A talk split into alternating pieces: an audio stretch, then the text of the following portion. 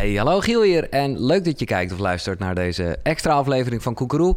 Ik wilde het toch nog één keertje hebben over het waanzinnige webinarweekend Leefwijzer. Waarbij we, nou ja, met z'n allen, en uh, ik krijg er nog steeds heel veel positieve reacties op, echt een soort stap hebben gezet in het verhogen van ons bewustzijn. Juist door nou ja, hele aardse tools soms aan te pakken. En soms was het ook spiritueel als altijd een keur aan sprekers. Ik heb vorige keer uh, nou ja, Eduard uh, laten horen. Veel reacties op Zen Moment. Link in de beschrijving. Um, ik heb het gehad over Anna Lindfors, Timo Arena, Roy Martina, Vivian Reis. maar ik wil nog, voordat we naar het gesprek van vandaag gaan... of de, eigenlijk de hele inspirerende talk van Nanneke ook even nog wat andere dingen uitlichten. Uh, bijvoorbeeld Esther, Esther Tenhoven. Ik uh, sprak er een keer eerder, ook voor Koekeroe. Uh, zij is op een gegeven moment helemaal naar de 0.0 leefstijl gegaan. En um, ja, zij legde uit hoe alcohol en drinken, maar eigenlijk alles in het leven, twee kanten heeft. Maar je hebt een munt en je hebt twee kanten eh, twee kanten aan die munt. De ene kant van die munt is de, kant van positiviteit, van verheugen op iets, van enthousiasme, van blij zijn, speels zijn, het kind in je vinden, dat soort dingen. Dat is een hele fijne kant. En die andere kant is de kant van teleurstelling, van angst misschien wel, van boosheid, verdriet, uh, trauma, um, dingen die misschien wat minder leuk zijn, een beetje een donkere kant. En toen ik nog dronk, dacht ik van uh, die kant, die, die, die kant van teleurstelling, die kant van boosheid, van verdriet, die wil ik niet meer voelen. Die mag weg. De kant van onzekerheid ook, die mag weg. Maar wat ik deed met dat drankje, was ik gooide die hele munt weg. Want je kan geen kant kiezen. Je kan niet kiezen, oké, ik gooi alleen maar die negatieve weg en dan blijft die andere kant bestaan. Zo werkt het niet. Je gooit die hele munt weg.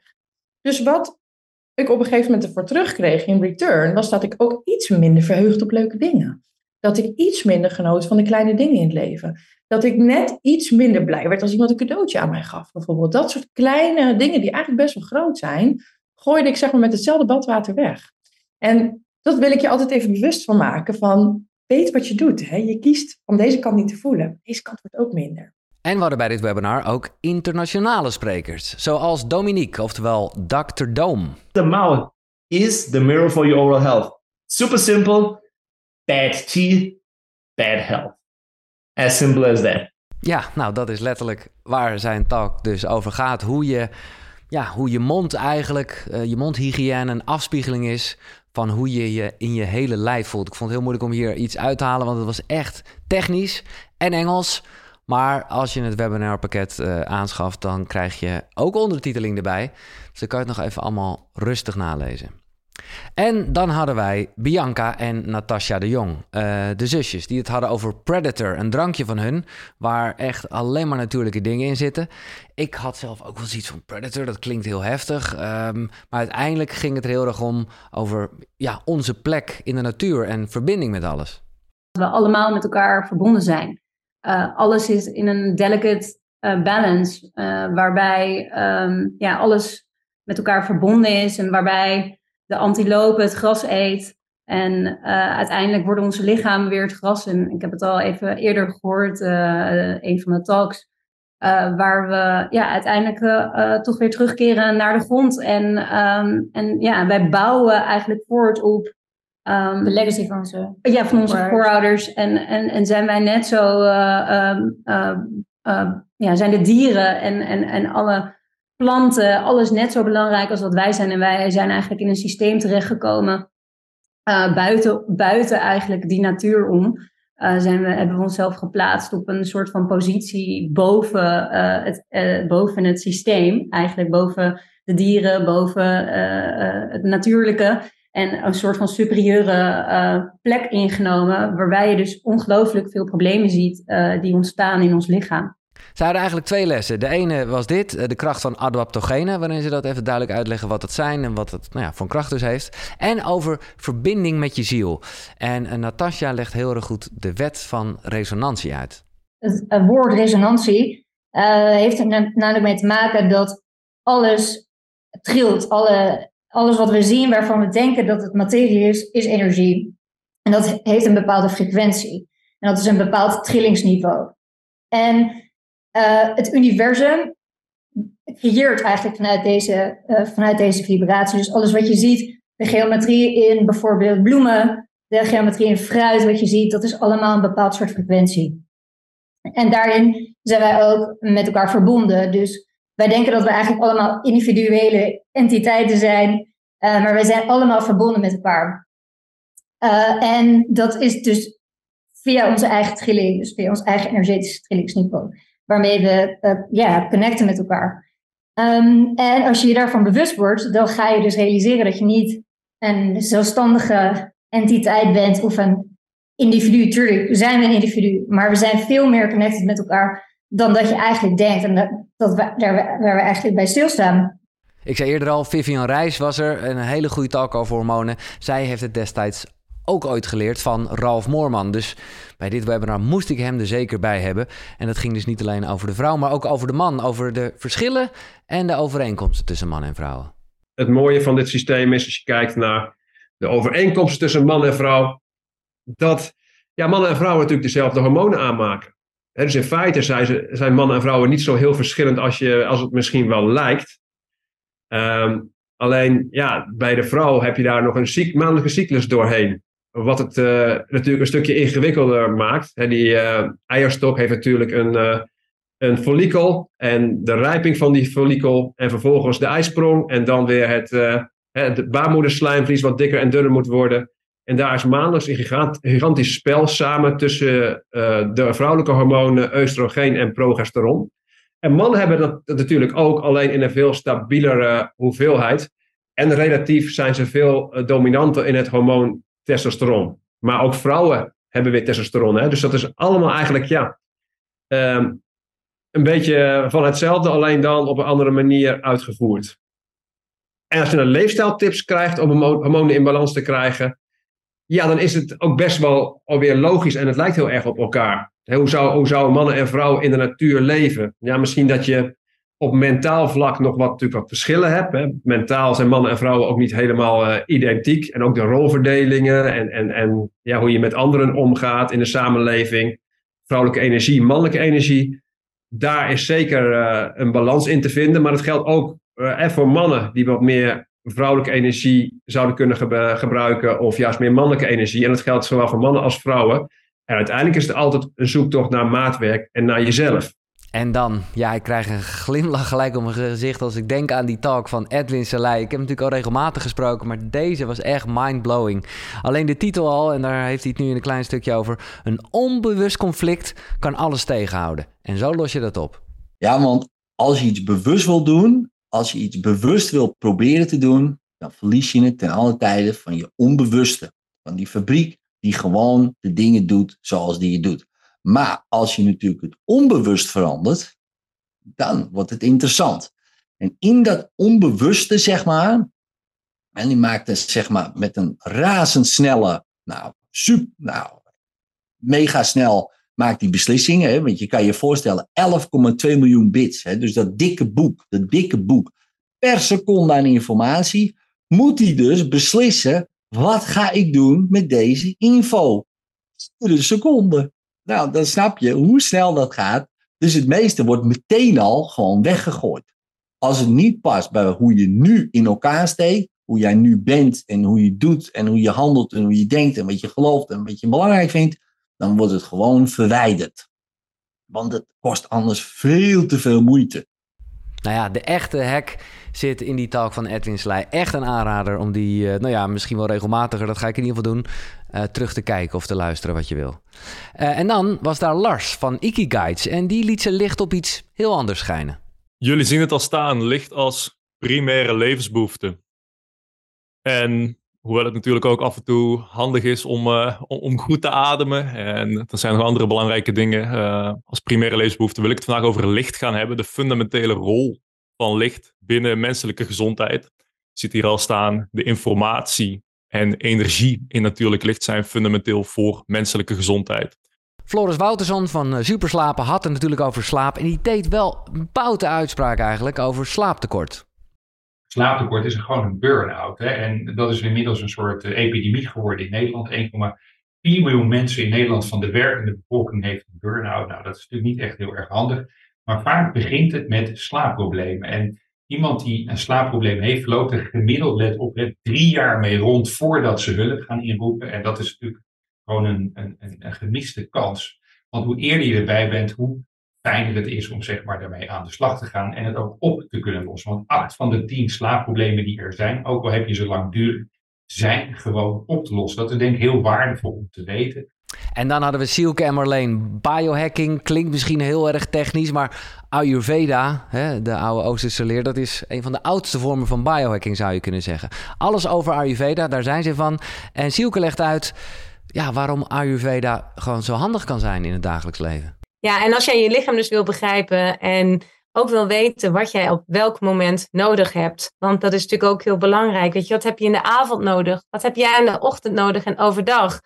Uh, en als jij dan precies weet van, hé, hey, wacht, ik heb een presentatie te geven voor Giel Belen en ik ben echt super onrustig, dan ga ik de box breathing doen. En dan komt alles helemaal goed. En dus ook als jij ja, je ideale gewicht wil bereiken. En dat kan dus zijn dat je aankomt of afvalt dat is allemaal helemaal wat Ayurveda jou gaat leren. Precies. En de laatste die ik even nu in de spotlight wil zetten, voordat we naar de echte talk van uh, Nanneke gaan, is Simland. Ook weer een internationale gast. Ik heb hem nog nooit uh, kunnen spreken. Ik hoop dat dat ooit nog gaat gebeuren, want de man heeft zoveel wetenschappelijke kennis ook. Hij had een talk over het circadiaans ritme, oftewel licht en donker, maar vooral ook, en ja, in al zijn eenvoudigheid wel echt krachtig. Wat voor informatie, wat voor signalen we kunnen halen uit allerlei dingen over onze leefstijl. So inflammation can be processed food, it can be some sort of uh, allergies, it can also be chemicals, you know, pollution, all those things. And uh, sleep deprivation, those things all raise inflammation. So just live like a you know, clean and healthy lifestyle. En nogmaals, ook deze internationale talk heeft ondertiteling. Aan het eind uh, van het volgende gesprek heb ik een uh, toffe kortingscode voor je, waardoor je 80 euro korting krijgt op het hele leefwijzerpakket. Maar laten we eerst gaan naar een talk waarvan ik gelijk toen dacht: oké, dit wil ik met alles en iedereen delen. Haar boek is net uit, het handboek Vetverbranding, Nanneke Schreurs. Eh, ik sprak haar eerder al van de Optimal Health Studio. Boost je metabolisme en zorg voor een optimale vetverbranding. Nanneke Schreurs. Dankjewel, Giel. Nou ja, uh, zoals Giel al zei, net uitgekomen het handboek vetverbranding. En um, ja, hoe ik daarop ben gekomen, uh, is eigenlijk omdat ik door de jaren heen heel veel mensen begeleid heb. En um, natuurlijk ook heel veel mensen die graag vet willen verliezen. inmiddels is meer dan 50% van de bevolking heeft overgewicht. Dus veel mensen zijn daarmee bezig. Maar ik kwam ook bij heel veel andere gezondheidsklachten of um, ja, hormonale klachten uh, gebrek aan energie, kwam het eigenlijk ook altijd weer op die vetverbranding neer. Dus toen ben ik dat boek gaan schrijven. Um, eigenlijk alle tips en tricks en hacks die je maar kan bedenken als het gaat over vetverbranding. Um, omdat dat heel veel voordelen heeft. Nou, wat, ik, eh, wat we allemaal weten, het heeft voordelen voor gewichtsbeheersing. Dus als jij vet wil verliezen.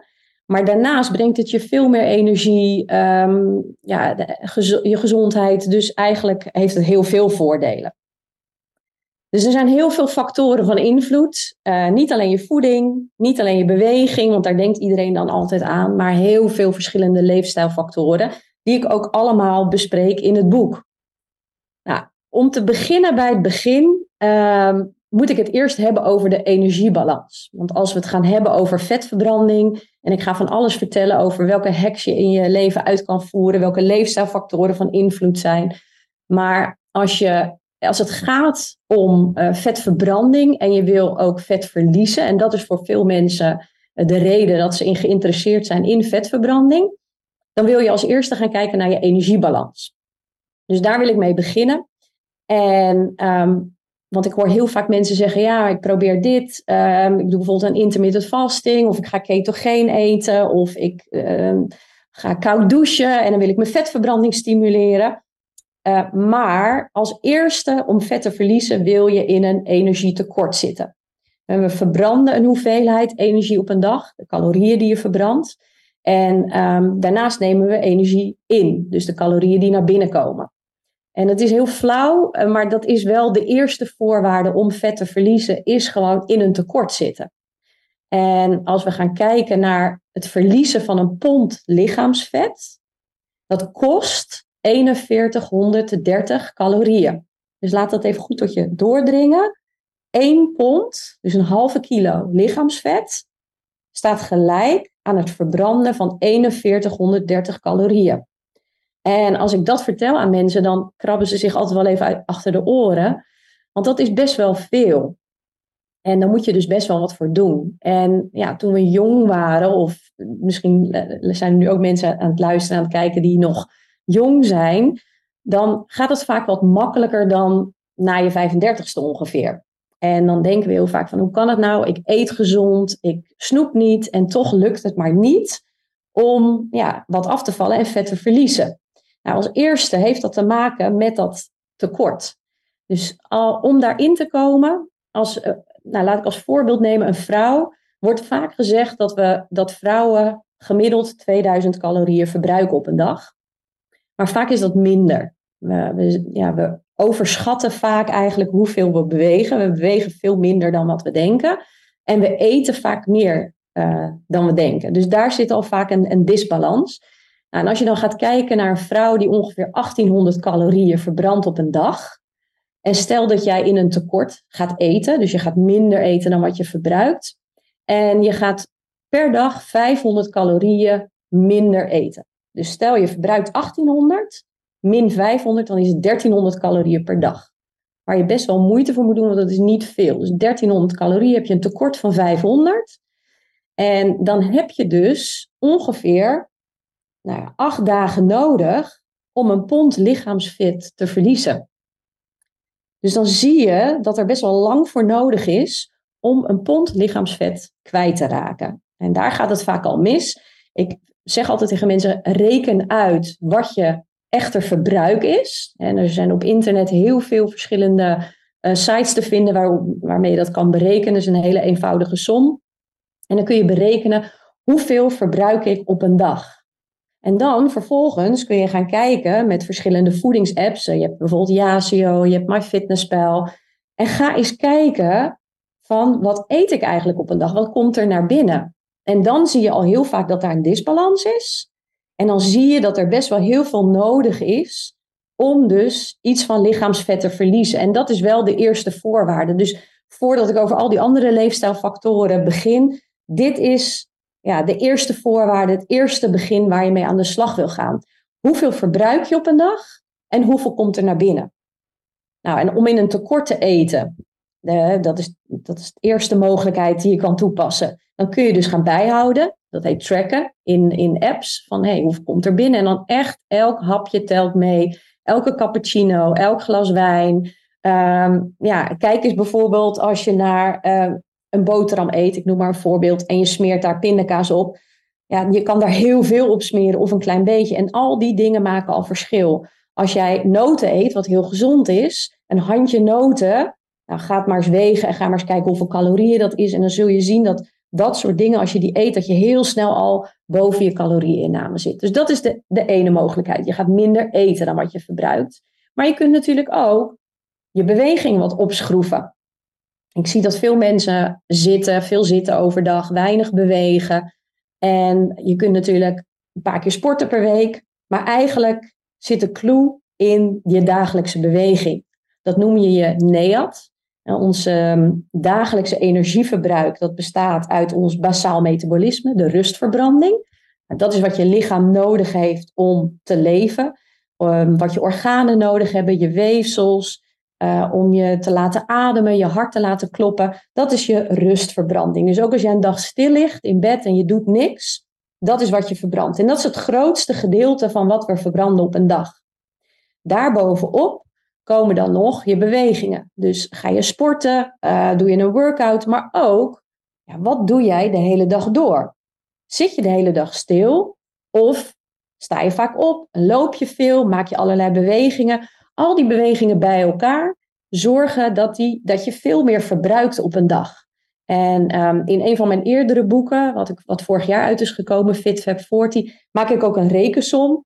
En dan vergelijk ik twee vrouwen van dezelfde lengte, dezelfde leeftijd. Maar als jij bijvoorbeeld op, in de ochtend in je auto stapt, op kantoor gaat zitten, alleen maar stil zit de hele dag, s'avonds terugkomt, op de bank gaat zitten, dus een heel zittend leven hebt, of je gaat elke dag op de fiets naar je werk en je maakt een ommetje, je laat je honden uit.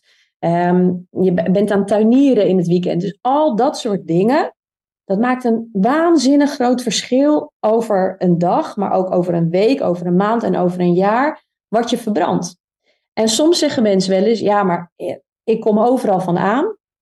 En ja, die persoon die kan echt eten wat ze wil. Maar ga maar eens kijken naar het activiteitsniveau. Dat is ook een van de redenen als we ouder worden dat we denken dat onze verbranding omlaag gaat. Dat we, dat we minder verbranden en dat we steeds makkelijker aankomen.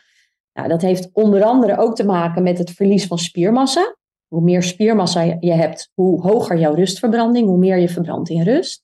Maar hij heeft ook vaak ongemerkt te maken met dat we minder bewegen. Als je jong bent, ben je vaak veel meer in beweging, actiever. Nou, kijk alleen maar naar het verschil met een heel klein kind. Ga daar maar een dag achteraan kruipen en lopen. Hoeveel die in beweging zijn, dus hoeveel die verbranden. Dus daar kun je heel makkelijk al mee spelen door nou ja, te kijken wat eet ik, wat komt er naar binnen, maar ook wat verbruik ik. En um, er is ook een onderzoek geweest, onder andere naar fidgeting. En fidgeting is, als je het vertaalt, is wiebelen. er zijn mensen die van nature heel veel bewegen, heel bewegelijk zijn en ja, met hun voet wiebelen als ze zitten. En al die kleine bewegingen zorgen voor een ja, veel hogere verbranding, dat je veel meer verbruikt op een dag. Dus dat is eigenlijk het eerste begin, die energiebalans. En dat is gewoon heel simpel, heeft met thermodynamica te maken. Maar als je dan gaat kijken naar wat je verbruikt en wat je inneemt, dan zijn er natuurlijk veel meer factoren die van invloed zijn op hoeveel je eet, wat je eet en noem maar op. Onder andere de hormonen leptine en ghreline. Nou, leptine, dat is je verzadigingshormoon en ghreline is je hongerhormoon. En die hebben best wel grote invloed op ja, wat we willen eten en hoeveel we willen eten. En leptine, is je verzadigingshormoon, dat wordt aangemaakt door onze vetcellen. En die geven een seintje van, hé, hey, ik heb genoeg, ik ben verzadigd. Nou, hoe meer vetcellen jij hebt, hoe meer leptine je aanmaakt. Dus dan zou je denken, als iemand met overgewicht en veel vetcellen, die maakt meer leptine aan, dus die is eerder verzadigd. Maar daar is een kanttekening bij. Als je op het moment dat je echt zwaar overgewicht hebt, je echt heel veel kilo's te veel hebt en heel veel vetmassa, dan worden al jouw cellen um, minder gevoelig voor die leptine en dan word je leptine-resistent. En dat maakt dat mensen met zwaar overgewicht vaak honger hebben en trek hebben en dus niet verzadigd zijn. En dan is het vaak heel makkelijk om te denken, ja, het is gewoon een kwestie van minder eten, meer bewegen. Maar zo makkelijk is het dus niet. Op het moment dat je een paar kilootjes te veel hebt, dan is het nog wel makkelijk om af te vallen, een paar kilo. Maar hoe zwaarder je wordt en hoe meer lichaamsvet jij hebt, hoe lastiger het wordt. Mede dus door leptineresistentie. Dus je voelt je niet verzadigd, dus je hebt continu het idee van ik wil meer eten. Dus dat geeft misschien meteen wat meer compassie naar mensen met heel veel overgewicht. Dat het dus niet zo makkelijk is als dat het soms lijkt. Minder eten, meer bewegen is de eerste voorwaarde. Maar daar komen heel veel andere dingen nog bij kijken. En onder andere dus deze twee hormonen. Greline, dat is, um, dat is dus ook een hormoon, een hongerhormoon.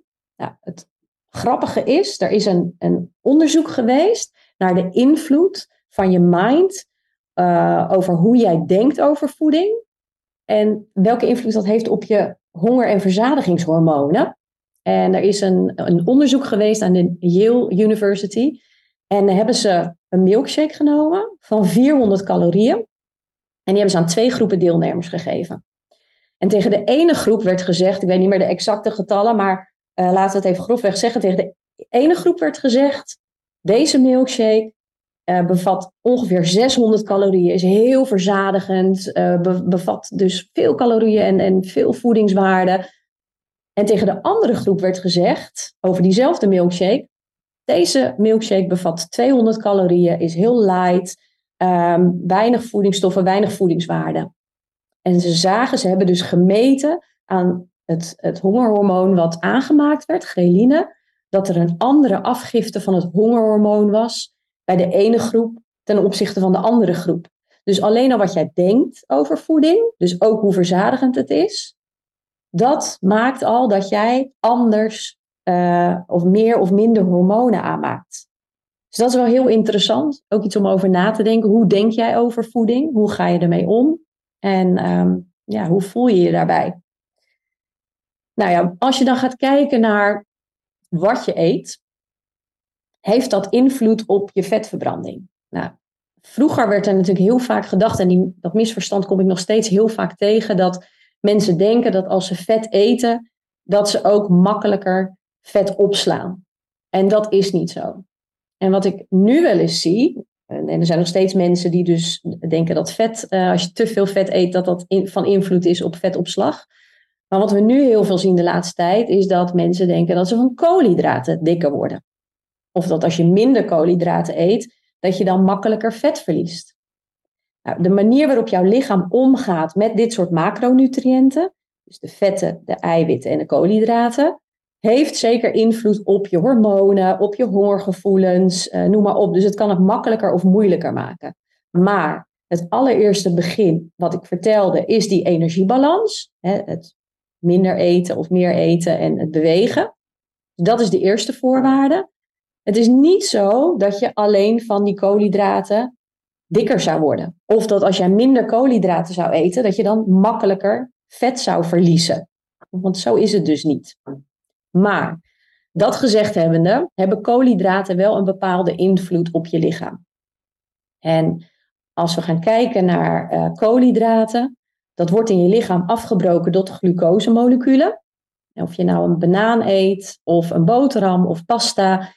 Alles waar koolhydraten in zitten, komt je lichaam in en dat wordt afgebroken tot glucosemoleculen.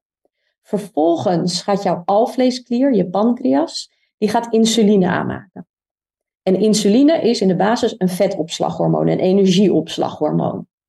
Maar je eet die koolhydraten, het wordt afgebroken, het wordt naar alle cellen gebracht in je lichaam. En als al die cellen voldoende hebben om energie aan te maken, dan hebben we nog een voorraad in ons lichaam, in de lever en in de spieren. En dat is je glycogeenvoorraad. Dus mocht, uh, mocht alle glucose op zijn, dan hebben we altijd nog een voorraadje om uit te putten.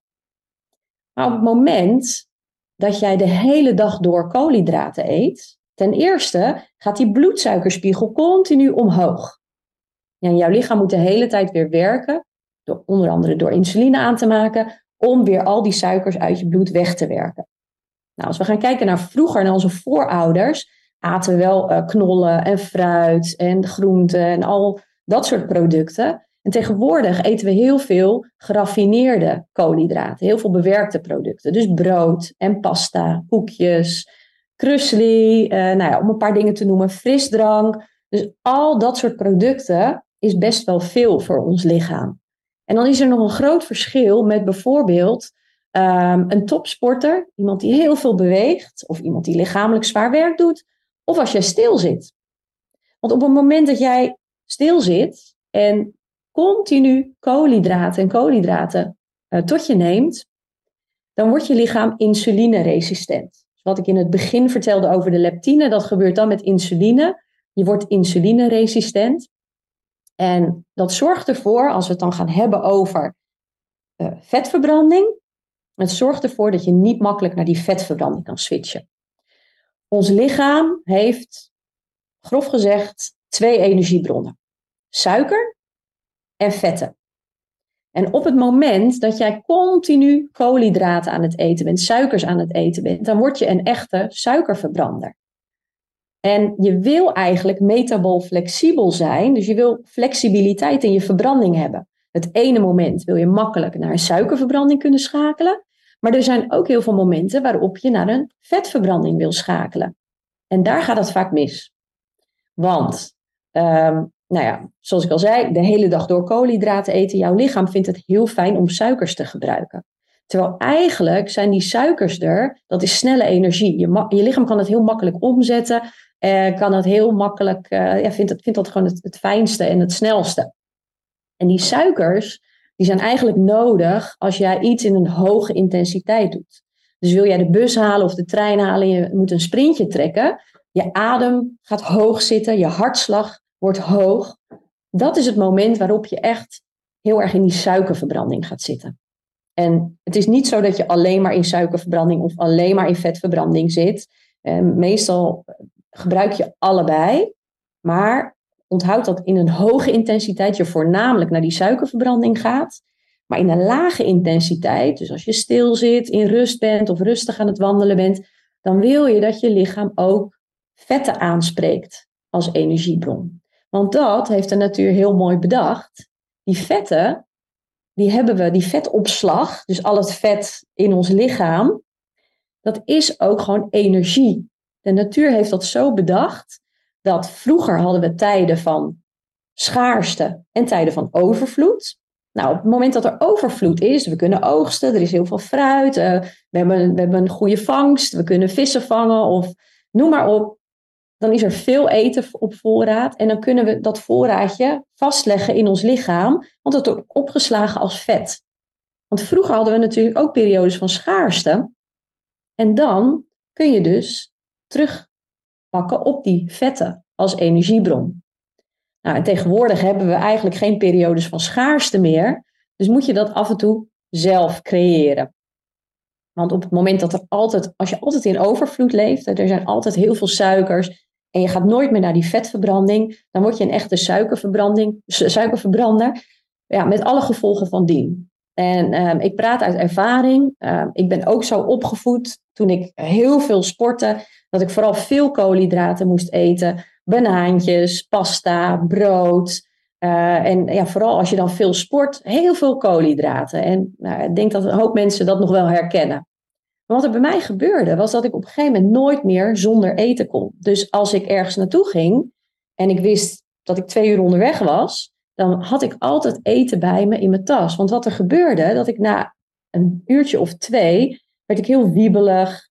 Uh, dan kreeg ik echt een soort hongerklop. Dus ik werd duizelig, ik werd zweterig en ik had echt het idee, ik moet nu wat eten. En ik denk dat heel veel mensen dit herkennen, want ik hoor dat bij mij in de studio, in de praktijk hoor ik dat ook heel vaak. Mensen bepaalde klachten en, en symptomen hebben waarvan ze dat niet helemaal kunnen plaatsen. Ik dacht ook altijd van, hé, hey, ik sport heel veel, ik beweeg heel veel. Dus ja, ik moet waarschijnlijk gewoon veel eten. Dus dan zal het wel logisch zijn dat ik zo'n hongerklop krijg en dat ik me niet lekker ga voelen.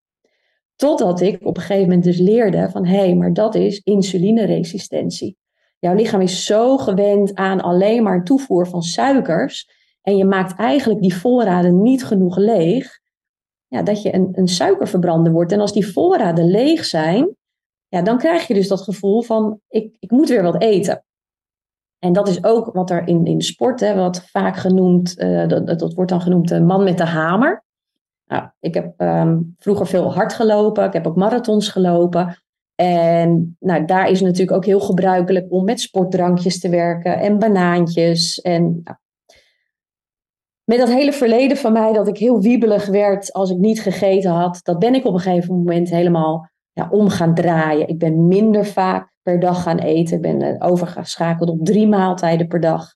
Ik heb gezorgd dat mijn maaltijden um, mijn bloedsuikerspiegel stabiel hielden. dat doe je onder andere door als jij iets eet wat hoog in koolhydraten is, ik noem maar een broodje, om daar gezonde eiwitten en vetten bij te eten. Dus doe de avocado op, wat gerookte zalm, een eitje, pindakaas, noem maar op.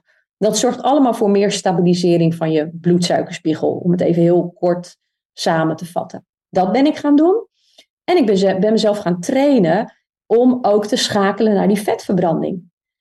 Op het moment dat jij s'avonds een goede maaltijd gegeten hebt, en dan komt de nacht, nou, in de nacht verbruikt jouw lichaam ook weer koolhydraten. Dus s'morgens zijn we al een gedeelte, al best wel heel veel uur, zonder eten.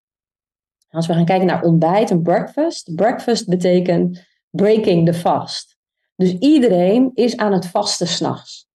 Alleen de meeste mensen die zijn het gewend om s'morgens, omdat we dat ook zo geleerd hebben, s'morgens meteen te eten.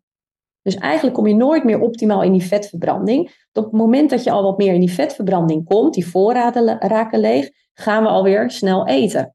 Nou, dan de hele dag door eten, vaak nog tot s'avonds laat, zorgt ervoor dat je lichaam niet meer in een vetverbranding komt. En dan word je dus een echte suikerverbrander. Nou, en wat ik vertelde over die marathon, onder andere. Ik ben op een gegeven moment, heb ik mezelf zo getraind naar vetverbranding, dat ik heel makkelijk zonder eten kon. Dus dat vond ik al een stuk vrijheid. ja, dat je niet meer altijd denkt van, oh, is er wel eten en heb ik wel eten bij me? Je kunt makkelijk eh, zonder eten, ook een echt langere periode en zonder dat je je daar dan ook niet lekker bij voelt, want ons lichaam is daarop gebouwd. Maar dat wil je wel heel rustig zo opbouwen. En ben ik op een gegeven moment een marathon gaan lopen op een nuchtere maag. Dus ik heb de avond daarvoor goed gegeten. S'morgens heb ik lekker koffie gedronken. Ik heb daar nog wel een klein beetje kokosolie in gedaan, een klein beetje vetten, maar dat was het. En verder puur op een vetverbranding gelopen. Want een marathon loop je in principe op lage intensiteit. Op het moment dat je kortere afstanden loopt, dan ga je naar een hogere intensiteit. Dus dan ga je ook meer je suikers willen aanspreken. Maar een marathon, in principe, loop je op lage intensiteit, blijft je adem rustig, je hartslag blijft, dan gaat niet super omhoog en kun je dus heel goed in die vetverbranding komen. Nou, dit alleen als voorbeeld en niet om te zeggen ga allemaal marathon lopen op een nuchtere maag en dan kom je in je vetverbranding, want dat is allemaal niet nodig, maar wel om aan te geven dat we kunnen heel makkelijk zonder eten en alle vet, al het vet, lichaamsvet wat we bij ons dragen, dat heeft de natuur gewoon heel mooi bedacht, omdat het energieopslag is. Maar gebruik die energie dan ook. En dat kun je dus trainen. Nou, een van die dingen is onder andere door nuchter te bewegen. Dus ga eerst een wandeling maken of wat in je huis doen voordat je direct pakt uh, naar een ontbijt. En, en zorg dat je gewoon wat minder vaak eet op een dag, um, maar ook dat je s'avonds niet meer eet. Dat, dat zijn gewoon een paar dingen die je kan gebruiken om in die vetverbranding te komen. Nou, intermittent fasting wordt natuurlijk heel vaak genoemd als tool voor vetverbranding. En inderdaad, dat werkt. Want als je een langere periode en je gaat, als je 12 uur niet eet en dan 14 uur, 16 uur, je komt steeds meer in een vetverbranding. Maar het is niet per se nodig om vet te verbranden of vet te verliezen, uh, dat je dan ook aan intermittent fasting zou doen. Maar het helpt wel. Is een hele mooie tool. Nou, een andere uh, tool die je kan gebruiken is ketogeen eten.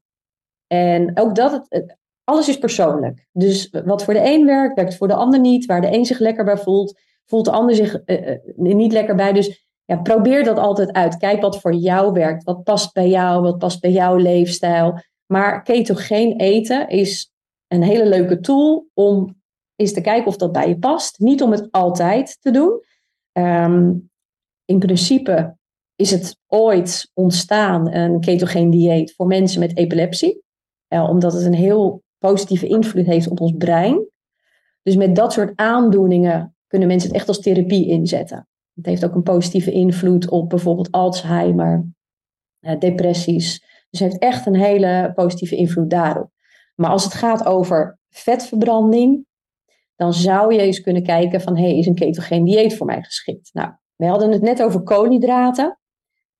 Wat je doet bij ketogeen eten, is dat je heel laag in je koolhydraten gaat zitten. En ook dat is voor iedereen weer verschillend, want ik zie wel eens boeken of tijdschriften met uh, keto-recepten. Maar het is per persoon verschillend vanaf wanneer jij in voedingsketose komt. En voedingsketose wil zeggen dat je zo weinig koolhydraten tot je neemt. Nou, dat is in principe minder dan 50 gram koolhydraten per dag. Maar ik weet van mijzelf dat ik echt in ketose kom zo rond de 20 à 30 gram koolhydraten per dag. En nou ja, ik ken ook iemand, een collega van mij, dat is een wielrenner. En die, die zit al zo rond de 50 gram koolhydraten per dag dat hij in ketose komt. Maar dat is dus per persoon verschillend. Dus dat kun je zelf meten. Uh, er zijn metertjes, dan kan je je bloed meten. Kun je kijken of je in ketose bent of urinestrips, noem maar op. Maar wat er gebeurt is dat je lichaam ketonlichaampjes aanmaakt. Je gaat echt naar pure vetverbranding. Je gaat echt vetten gebruiken als brandstof.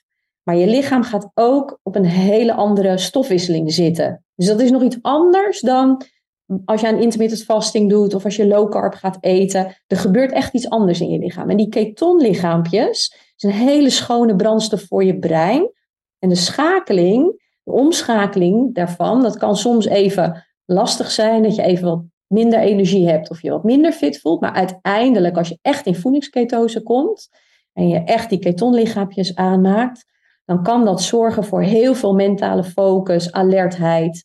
Um, ja, je, je, en dat, als je vet wil verliezen, waarom het dan zo goed werkt, is dat je heel erg verzadigd bent. Dus je hebt niet meer de behoefte om weer wat te eten. Je hebt geen cravings meer, geen suikerbehoefte. Dus dat is best interessant om dat eens uit te proberen voor een periode. Zoek daar wel een goede begeleiding bij. Ehm, en, en kijk, past dit bij mij? En ja, zoals ik al eerder zei, intermittent fasting of ketogeen eten. Het is niet zo dat dat wondermiddeltjes zijn. Er is geen shortcut. Dus het is niet zo van ik ga die of die methode toepassen en dan kom ik uh, in een vetverbranding en dan verlies ik ook vet. Het calorietekort, energietekort, die, die balans, dat is de eerste voorwaarde. Maar waar het wel voor zorgt, als jij bijvoorbeeld ketogeen gaat eten, dat je dus ja, makkelijker verzadigd bent en dus ook makkelijker in een tekort eet. Dat gaat eigenlijk al vanzelf. Dus dat uh, ja, is een hele leuke tool om eens te proberen uh, of dat bij jou past. Net als intermittent fasting. Nou, daarnaast, als je dan gaat kijken naar wat je eet. Want ik heb in mijn boek heb ik eigenlijk wat je eet, maar ook wat je drinkt, maar ook hoe je leeft. Dat zijn allemaal factoren die van invloed zijn op die vetverbranding. Nou, als je gaat kijken naar wat je eet. Onze dagelijkse energieverbruik is die, uh, je, je rustmetabolisme, je rustverbranding. En daarbovenop komen je bewegingen. Maar ongeveer 10% van de energie die we verbruiken op een dag wordt bepaald door ja, wat je eet en hoe je dat verbruikt. Dus dat, is, dat noem je je TEF, het thermisch effect van voeding. Om voeding te verwerken, verbruikt je lichaam ook energie. Nou, wat ik zei, er wordt altijd uitgegaan van ongeveer 10% van je totale energieverbruik op een dag. Maar dit kun je verhogen, je thermisch effect van voeding kun je verhogen door andere producten te eten. En dan kun je het wel verhogen tot 25%. Nou, er is een onderzoek onder andere, er zijn meerdere onderzoeken geweest, maar één onderzoek is, uh, hebben ze zo gedaan, hebben ze gekeken naar wat je uh, verbrandt als je bijvoorbeeld een witte boterham met smeerkaas eet. En dan ten opzichte van een volkoren boterham met echt een plak kaas. En dat gaf al een waanzinnig groot verschil in je verbranding. Nou, en eigenlijk zijn het twee best wel bewerkte producten. Dus kan je nagaan hoe groot het verschil is tussen ja, een boterham, dat is ook een bewerkt product, met iets ja, smeerkaas erop, ten opzichte van een groot bord met heel veel groenten, uh, noten, uh, vis, ei, noem maar op. Dus zo'n soort maaltijd, echt met whole foods. Wat het verschil daarin is. Dus dat maakt ook heel veel verschil. Eet je heel veel bewerkte producten, dan is je verbranding lager op een dag. Dus dat is het thermisch effect, uh, het thermisch effect van voeding. Nou, dan heb ik ook een hoofdstuk gewijd aan voedingsproducten die je vetverbranding omhoog brengen. Ik dacht echt altijd dat dat een broodje aap was.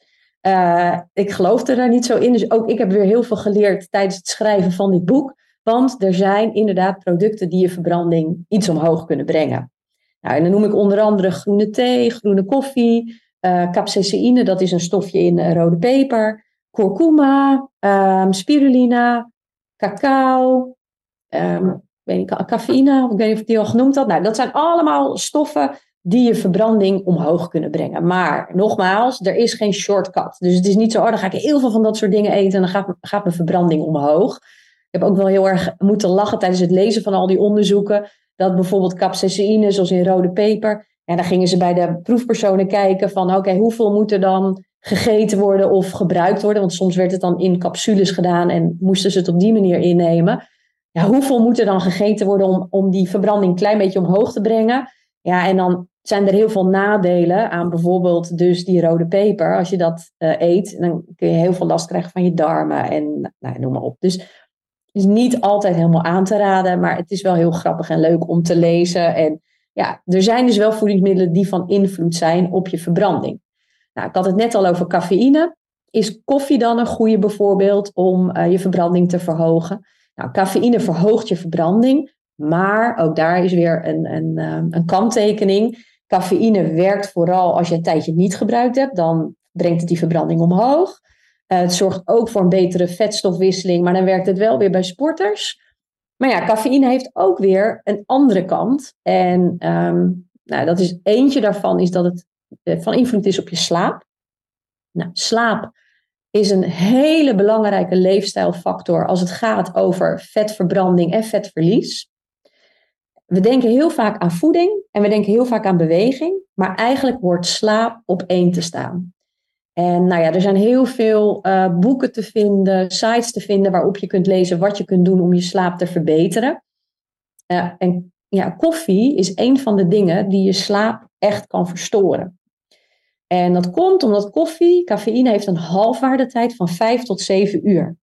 Op het moment dat jij laat in de middag of begin van de avond nog iets met cafeïne drinkt, dus koffie, maar is ook thee, um, nou ja, een Red Bull bijvoorbeeld, dan 5 tot 7 uur nadat je dat gedronken hebt, zit de helft van die cafeïne nog in je bloed. En vaak denken mensen, oh maar ik val wel in slaap, ik heb daar geen last van. Maar als we slapen, hebben we verschillende cycli de nacht door. Je hebt remslaap, je hebt diepe slaap. Nou, zo zijn er verschillende fases in je slaap.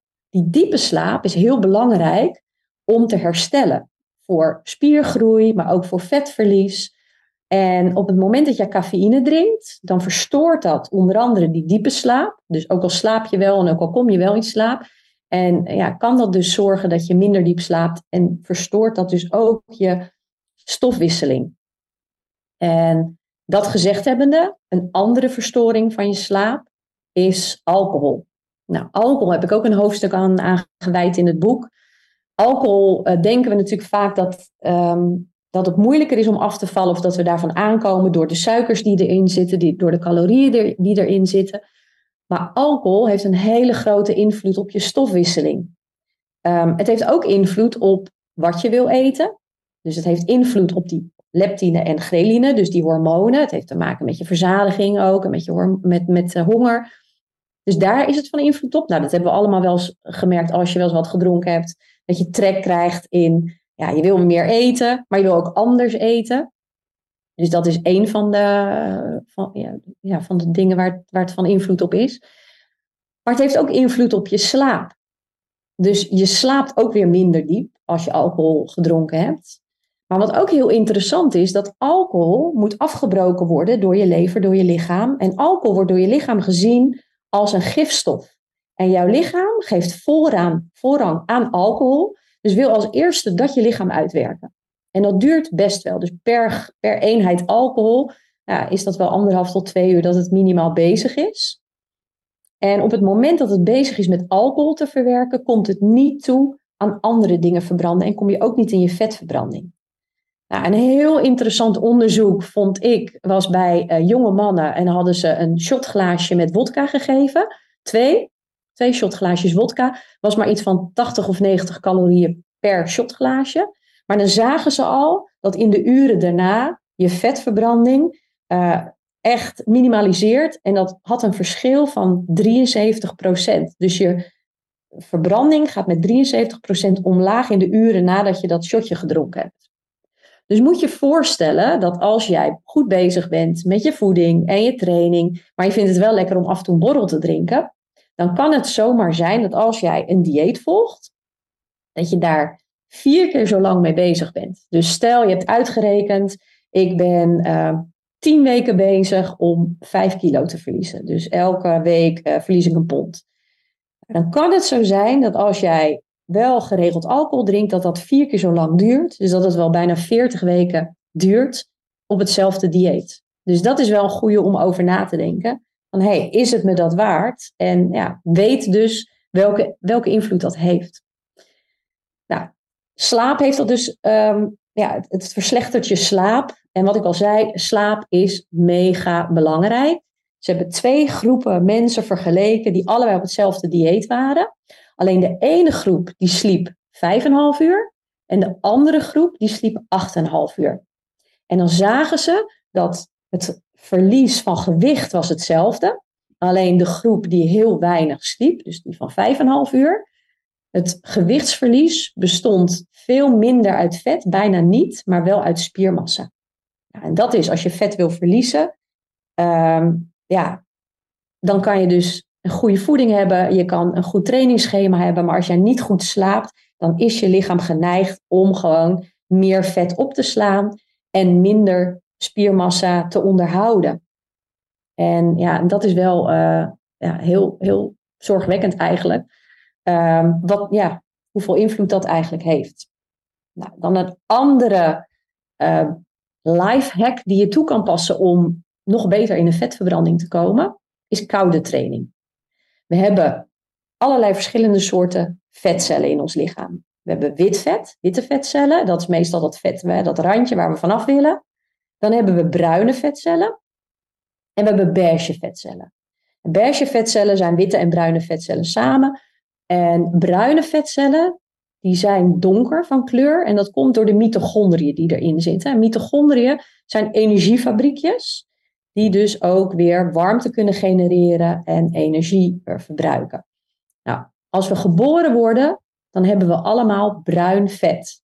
En dat komt omdat een baby heeft niet het vermogen om zichzelf warm te houden, om te rillen. Want dat doen we door, onder andere door te rillen. Dus die heeft, wordt geboren met veel bruin vet. En met name borstbeen en hierachter tussen de schouderbladen. Op een gegeven moment zagen ze met scans dat als mensen ouder werden, zo rond hun twintigste, dan was er nog wel wat bruin vet. Maar eigenlijk werd dat steeds minder in de loop der jaren. En er werd altijd gedacht dat dat normaal was, tot daar meer onderzoek naar is geweest. En waarschijnlijk heeft dat te maken met onze leefwijze. We zijn gewend om, uh, als het koud is, dan zetten we de verwarming aan. En als het warm is, zetten we de airco aan. Dus we werken niet meer zo met temperatuursverschillen. Terwijl vroeger, onze voorouders hadden daar natuurlijk wel mee te maken. Maar als je met koude training aan de gang gaat, dan zie je dus, hè, iemand zoals Wim Hof, die Iceman, heeft heel veel bruin vet. Want die is zijn hele leven al bezig met koude training. En op het moment dat bruine vet neemt maar heel weinig ruimte in beslag, is heel compact. Uh, dat bruine vet zorgt ervoor voor een verhoging van je verbranding, van je vetverbranding. En dat zet uh, vet ook om in energie en ook in warmte. Dus je kunt jezelf makkelijker warm houden als je meer bruin vet hebt. En je verbranding gaat omhoog. Dus dat is een hele interessante om, om met koude training aan de gang te gaan. Ook daar zijn weer heel veel onderzoeken um, over gedaan. Als mensen in een koude ruimte verblijven. Of als ze een pak aankrijgen met, met laat ze koud water er doorheen stromen. Hoeveel invloed dat heeft en hoeveel meer jij verbrandt op een dag. Dus het zijn allemaal life hacks die je toe kan passen. Het intermittent fasting, het ketogeen eten, um, ja, het nuchter bewegen. Um, nou ja, noem maar op. Maar ook dus koude training. Maar nogmaals, ja, je kunt alles toepassen, maar als je niet in een tekort zit, zul je ook geen vet verliezen. Kun je wel in vetverbranding komen, maar zul je geen vet verliezen. Dus dat is een, eh, een hele belangrijke. Nou, dan nog een laatste, um, adem. Ook adem zorgt ervoor dat we of in suikerverbranding of in vetverbranding zitten. En ik had het al over in die suikerverbranding, dat is voor hoge intensiteit, dus hoge hartslag, hoge adem.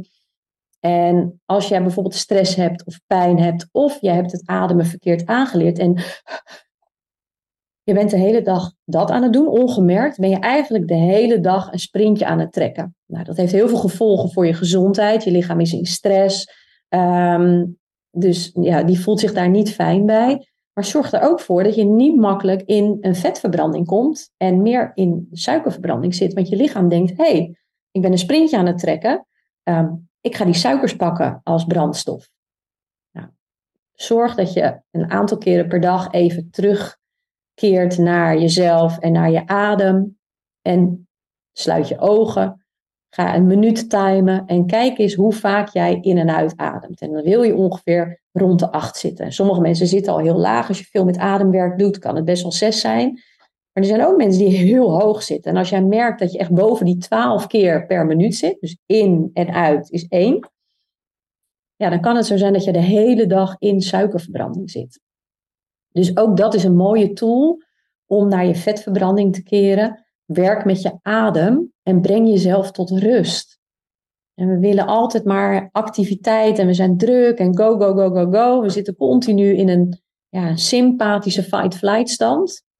En we vergeten vaak aandacht te geven aan dat moment van rust, aan je herstel, aan je slaap. Dus ja, zorg dat je daar ook aandacht aan besteedt. Want als jij in een goede vetverbranding wil komen, dan is rust en een goede slaap is mega belangrijk. Dus ga daar eigenlijk als eerste mee aan de slag. En je mindset.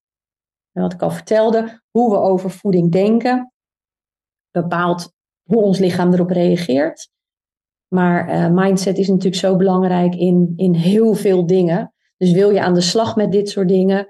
Ehm, ja, hoe jij erover denkt, welke uitkomsten het gaat hebben, dat is al, ehm, ja, heeft ontzettende grote invloed op uiteindelijk de uitkomst daarvan. Nou, dan leg ik nog heel veel uit in het boek, eigenlijk wat allemaal nog meer van invloed is. Eh, ik zal er nog eentje noemen: toxische stoffen, bijvoorbeeld. Nou, toxische stoffen vinden we in, in heel veel producten. Voeding bijvoorbeeld. Uh, de, als we kijken naar um, bestrijdingsmiddelen, maar ook de verpakkingen. Dus bijvoorbeeld um, conserveblikken. Maar ook als we kijken naar cosmetica producten. Wat smeer jij op je huid? Wat doe je in je haar? Wat spuit je op?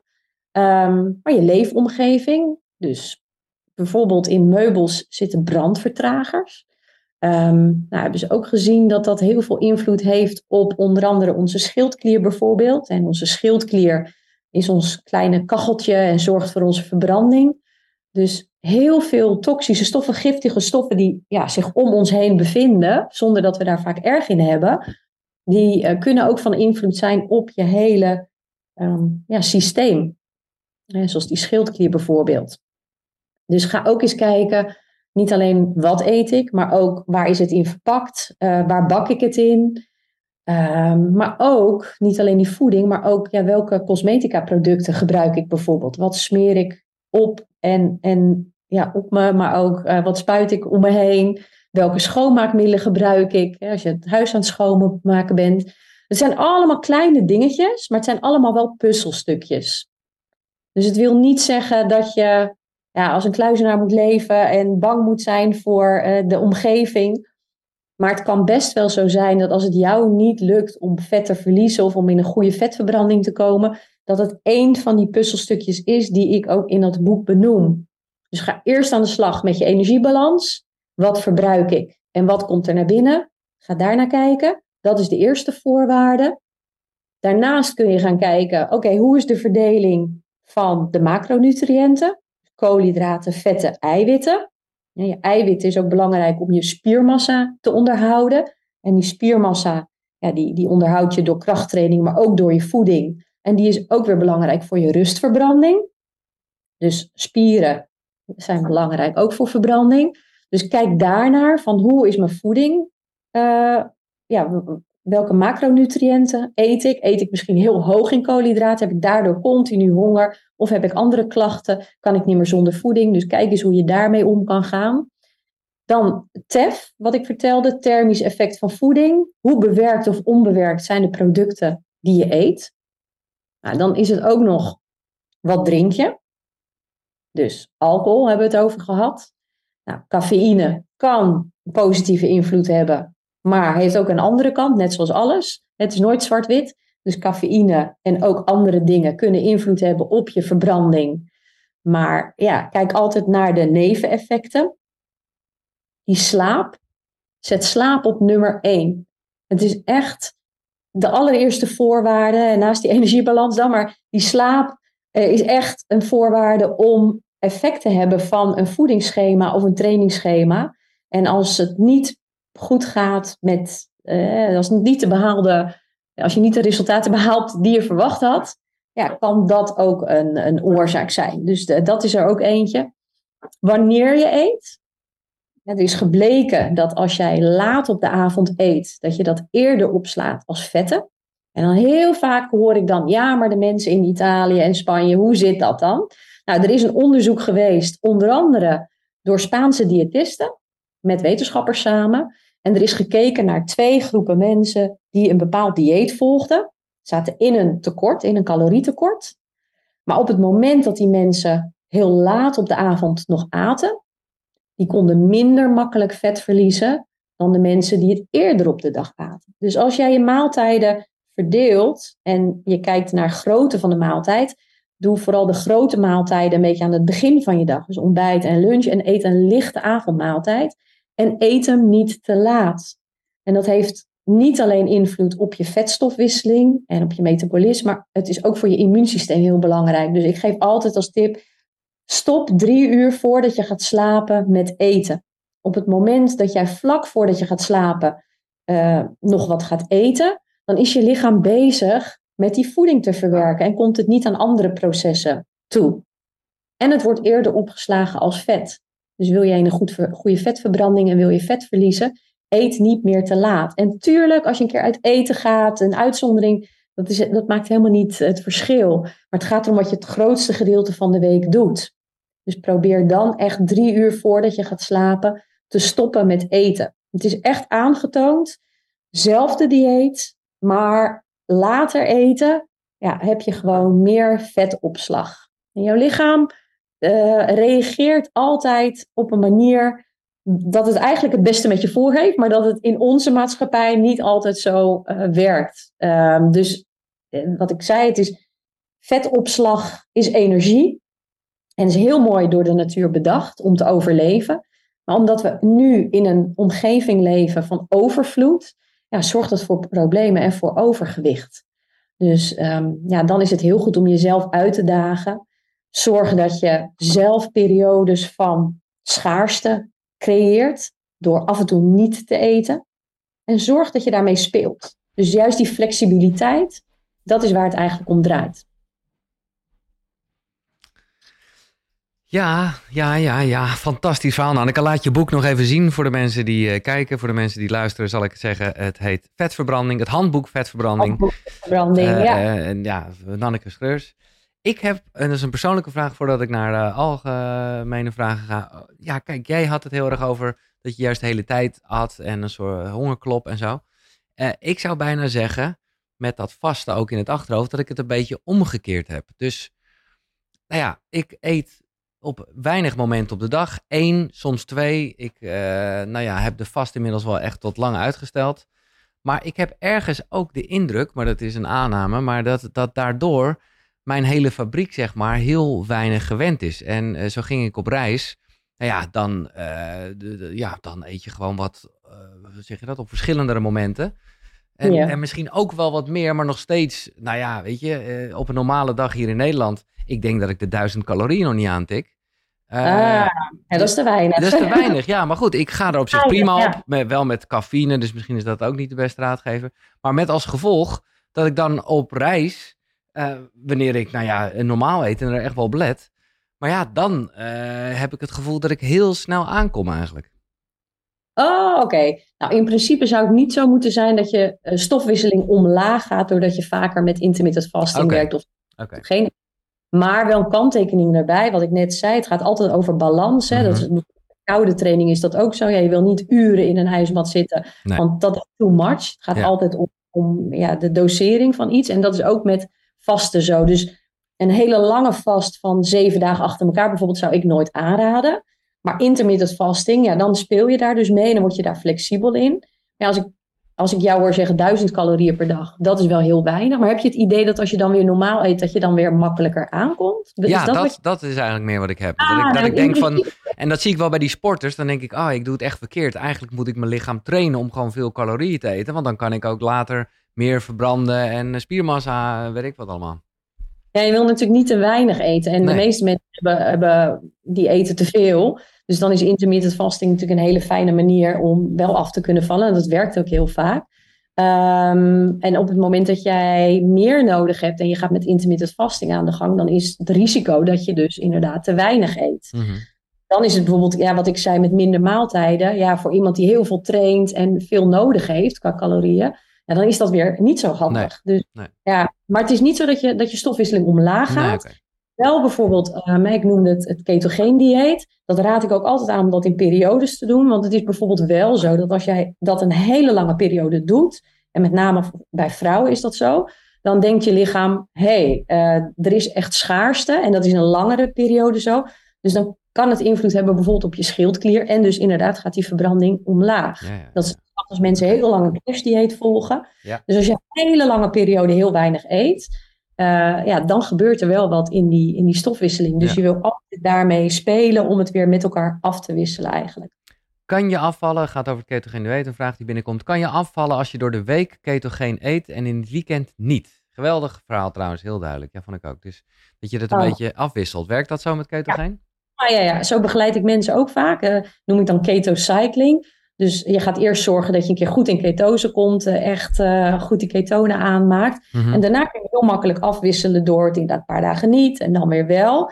Maar ja, wat ik ook in het begin van mijn verhaal zei, de eerste voorwaarde is wel dat energie, eh, die energiebalans. Dus op het moment dat je denkt van nou, ik ga door de week doe ketogeen en dan zit je in een tekort, maar in het weekend ga ik lekker helemaal los. Maar zit je ook weer in een overschot, ja, dan is het over, over de hele week genomen, gebeurt er dan niks. Ja. Maar je kunt zeker als je ketogeen wil eten, kan je dat heel makkelijk en dan raad ik dat juist aan om af en toe juist weer ook hoger in die koolhydraten te zitten. Omdat dat juist ook eh, ja, goed is voor die stofwisseling. Dat je niet inderdaad hele lange periode in een ja, soort schaarste wil zitten. Ja. Hier zegt iemand mega interessant. Ik kan goed een tijd niet eten op een dag zonder honger. Maar als ik dan eet, triggert het mij om door te eten. Hoe kan Ja, dat? ja, ja, dat hoor je heel vaak. En, en dat is ook wel per persoon verschillend. Als je het gevoel hebt dat het bij jou iets triggert. Als ik dan ga eten, dan ga ik helemaal los. Ehm, ja, dan is het, is het goed om te kijken, is dat dan wel wat voor jou? En het is niet altijd, is alles voor iedereen geschikt. En dit is wat ik wel vaker hoor. En als je dan echt gaat bingen, dus echt een, een soort eetbui Ja, krijgt. ja, dan ben je verder van huis. ja, dan is het gewoon niet voor jou weggelegd. Nee. En dan kun je beter kijken naar, ja, ik, ik, ik doe gewoon 12 uur niet eten. En, en, en binnen 12 uur wel eten. En dan gewoon mijn maaltijd plannen. En dan is dat voor jou waarschijnlijk een betere methode. Al moet je Wel- ook wel kijken, eh, als je het allemaal bij elkaar optelt, of het wel zoveel is. Het voelt dan misschien een beetje zoals, jezus, wat eet ik dan nu veel? Ja. Maar Ja. als je het uiteindelijk rekensommetje maakt, denk je, hé, hey, maar dat is, dat is eh, nog altijd een stuk minder dan dat ik wel drie maaltijden op een dag zou doen. Ja, dat klopt. Als je echt een paar dagen wel eens gevast... Ik heb wel eens een paar dagen gevast. Ja. En als je wat eet, dan, dan denk je echt, wow, en dan lijkt het heel veel. Dus dat kan ook een ding zijn. En het hangt er ook vanaf, wat ga je eten? Dus ja, waar ik het over had, hè, als je veel koolhydraten eet en er moet insuline aangemaakt worden, ja, dat zorgt vaak ook weer voor stijging van je bloedsuikerspiegel en, en dan wil je meer eten. Dus wat eet je is dan ook weer van invloed. Ja. De laatste vraag. Er komen veel vragen binnen. Nanneke Schreurs is ook online eh, verkrijgbaar. En check dat boek dus vooral. Ik hoorde Nanneke zeggen dat ze koffie dronk op een nuchtere maag. Dit vind ik heerlijk. Nou, dat eh, geldt voor mij ook. Eh, maar iedereen raadt dit af in verband met cortisolpiek, wat weer slecht is voor de hormoonbalans. Kan dit wel door het toevoegen van vet in de koffie? Ik vind het moeilijk om de koffie op nuchtere maag te laten staan. Oh, nou. Ja. Ja, het brengt natuurlijk iets die cortisol omhoog. Maar ja, dat is ook met een koude douche bijvoorbeeld in de ochtend. In die ochtend heb Even, je een cortisolpiek. En als, als dat geen probleem is, als je natuurlijk een, een probleem daar hebt, ehm, je bijnieren zijn uitgeput, mensen zitten in een burn-out, dan is dat niet aan te raden. Maar in principe, ja, als je gewoon gezond bent, dan is even een boost eh, is helemaal niet erg. Maar ook dat ja, is per persoon verschillend. Maar in principe Ja. koffie op nuchtere maag, dat kan. Ja, Prima. doe ik ook. Ja. Nanneke, dankjewel. Zeer helder verhaal. Ik eh, ga dit ook gewoon, denk ik, als podcast verspreiden. Want dit is zo vanuit het hart. Eh, optimaliseer je vetverbranding. Onwijs bedankt. Dankjewel dat ik er mocht zijn. Nou, neem eens lekker een kopje koffie. Eh, check dat boek. En ja, check die andere talks van Leefwijzer. Ik had je nog een kortingscode beloofd... waarmee je op elk van de drie pakketten 80 euro korting krijgt. Wat zijn dit voor pakketten? Nou, of je kan ervoor kiezen om gewoon alle webinars van Leefwijzer... dus tot in de eeuwigheid, tot lang het internet duurt, eh, terug te kijken... Of je kiest voor premium pakket. Dat doen eigenlijk de meeste mensen. Snap ik ook wel. is een tientje extra. Maar dan heb je ook de e-books en de slides. Dan krijg je eh, ook nog 20 ademsessies erbij. Van het eh, ademevent onder andere. Casper van der Meulen die er eentje doet. Ehm, Swami. Hele rustige meditatie. En er zit ook wat eh, heftiger bij. En je krijgt nog een elftal aan extra talks die goed bij dit thema passen. Dus denk aan Charlotte Labé met een masterclass over het overprikkeld brein. Michael Pilacic met Master Your Mindset. Om maar wat namen te noemen. Of je gaat voor het luxe pakket. Dat is meer voor de mensen die het Adem-event nog niet hadden. Waar ik eh, nou ja, nog steeds dagelijks wel mooie reacties op krijg. Alle talks, dus eigenlijk krijg je dan echt twee webinars voor één. Want die krijg je dan sowieso tot in de eeuwigheid. En dus uiteraard waar het hier om gaat, het Leefwijzer pakket. Koekeroe.nl slash leefwijzer. Daar kan je het vinden. Eh, Check ook vooral de link in de beschrijving. En let op, daar komt hij. De code is simpel.